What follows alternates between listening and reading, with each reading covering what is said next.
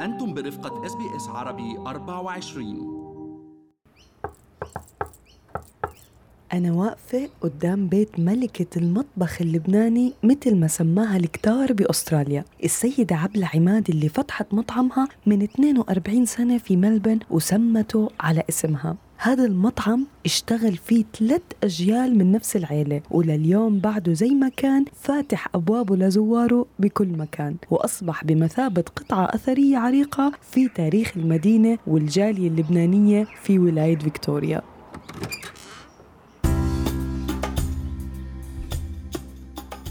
أش ما نعمل نبقى بلبنان؟ لكن نعملوا لحنا ها. ودي صوفي وين هي كم هي وفات على هالباب هيدا طلع هون وعملت له جوت كبينية ودي الصوفي His eyes nearly crying. He said, I never knew we could so much beautiful Lebanese place here. باستراليا قال لك انه هو فخور فيك Eh, yeah, براود yeah. يا طب والصبوحه صبوحة مو أو صبوحة we had a big night here for her. مرحبا معكم مرام إسماعيل من بودكاست بصمات. بحلقة اليوم رح نحكي عن السيدة عبلة عماد صاحبة مطعم عبلز اللبناني. لنعرف مين هي السيدة الملهمة اللي ورثت فن طبخها اللبناني لثلاث أجيال وساهمت في التعريف بالثقافة اللبنانية العربية وحصلت على أحد أرفع أوسمة الخدمة في أستراليا لقطاع السياحة والضيافة والمجتمع اللبناني الأسترالي.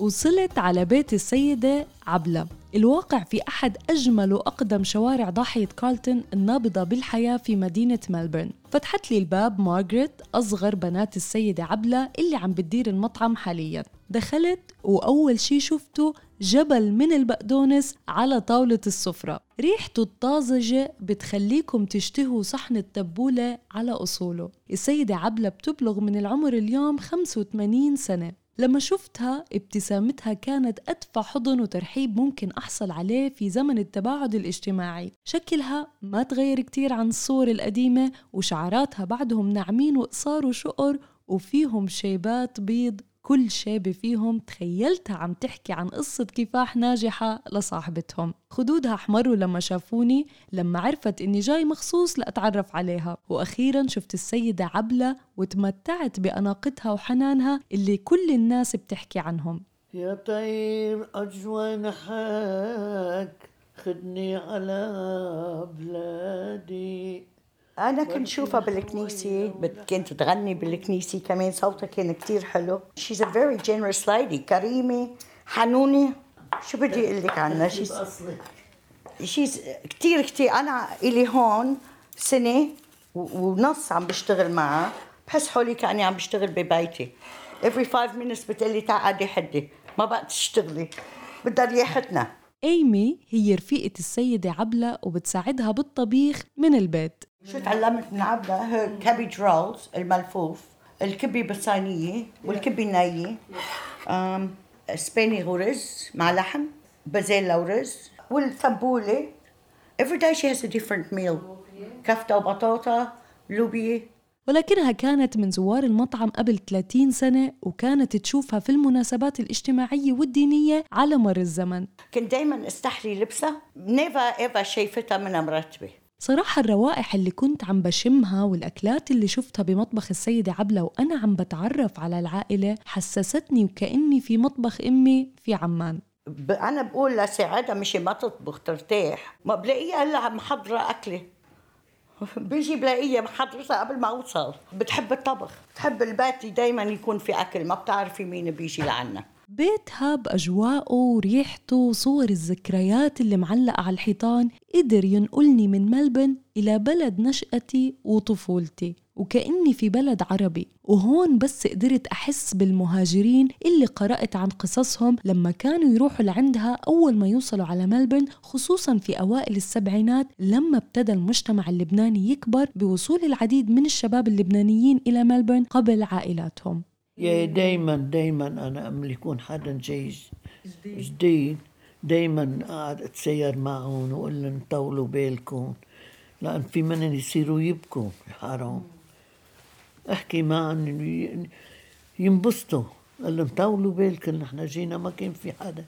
اللي محيرني بقصة السيدة عبلة ونجاحها إنه قلة من المطاعم في ملبورن اليوم بتقدر تتباهى بأربعة عقود من نجاح مطعمها. وبالرغم من تواضع شكله الخارجي إلا إنه حاصل على العديد من الجوائز وحظي بالكثير من التقدير على مر العقود. ولكن أنا كنت حابة أسمع منها سر نجاحها في عملها. If you don't do it from your heart love never never wake never.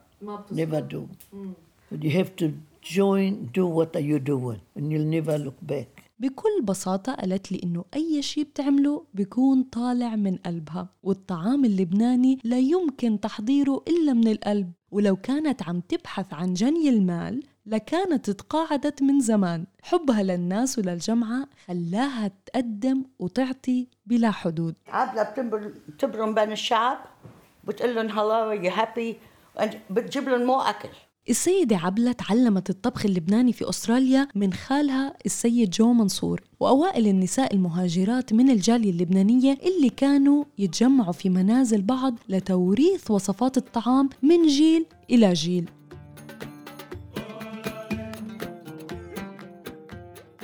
We used to be all of us Lebanese like Saturday نحكي عربي وندق بالدرمبكة ونغني. It was beautiful.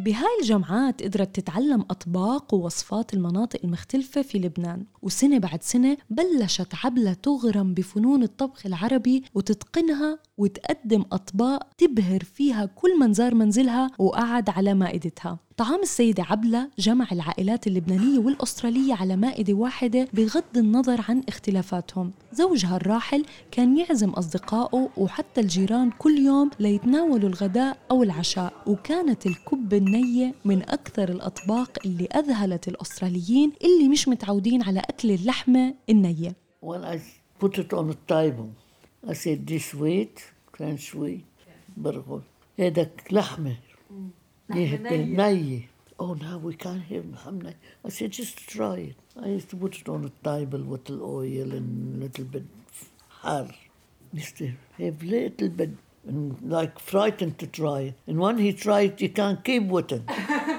I like her kibbe naye. You have to know who you're eating it from, and to eat it at Abla's restaurant was the best. وفي عام 1979 وبناء على إصرار الأصدقاء والعائلة قررت السيدة عبلة تفتح مطعمها ولأنه كمان كراسي مائدتها ما عادت تكفي عدد المدعوين يوميا على الطعام في منزلها. فكانت فكرة فتح المطعم بالنسبة إلها نابعة من منطلق الإحساس بالواجب تجاه الآخرين. I always love cooking and like people special. تحب الناس. Hey, المطعم I always used to say to my husband, when after if I can, I want to open a little Lebanese restaurant.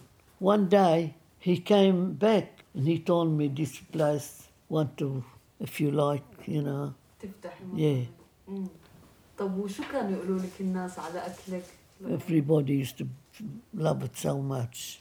بالنسبة للسيدة عبلة كان من المثير للسخرية إنها بدأت في طهي المأكولات اللبنانية التقليدية في أستراليا وليس في لبنان. ما كنت أنا بلبنان لما جيت جيت لعند وخالي ما كنت يعني البيضة ما لي صحيح كان فتح مطعم حل مناسب جدا لاستيعاب أكبر عدد ممكن من الزوار على مائدة السيدة عبلة إلا إنه حبها للناس وتعلقها واهتمامها فيهم خلاها تعزم زوار المطعم سواء بتعرفهم أو ما بتعرفهم ليشربوا معها قهوة بالبيت في أيام عطلتها. عم قل لك إنه بتقعد برا على الفرندا ومين ما قال لها هلا بتقول له تفضل. ومارغريت بنتها كانت تتأكد لزوار المطعم بعد ما تعزمهم السيدة عبلة على فنجان قهوة في بيتها إنه إمها فعلا كانت جادة في دعوتهم إلى منزلها I love people. If you go to Abla's, guaranteed, and you've been there more than twice, my mum would have invited you back to her house for a coffee. And so many people come. But before they come, they say to me, Are you sure it's okay? Your mum just invited me for coffee. And I'd be like, Yeah, she means it, come.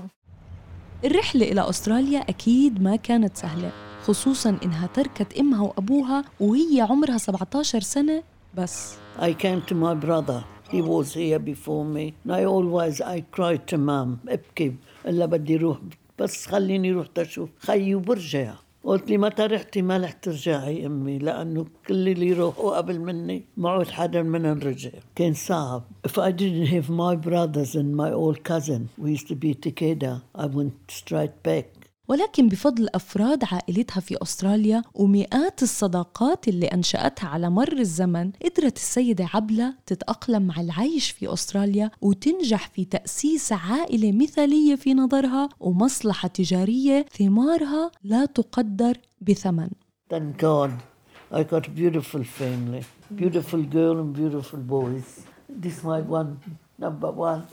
Yeah, this my baby, yes. Yeah, and I got three sons and two daughters, beautiful. Lovely, and all of them good, and all of them got business and work and everything. كنت معكم مرام اسماعيل من بودكاست بصمات لو حبيتوا الحلقة شاركوها مع أصحابكم واسمعونا بحلقة جديدة الأسبوع المقبل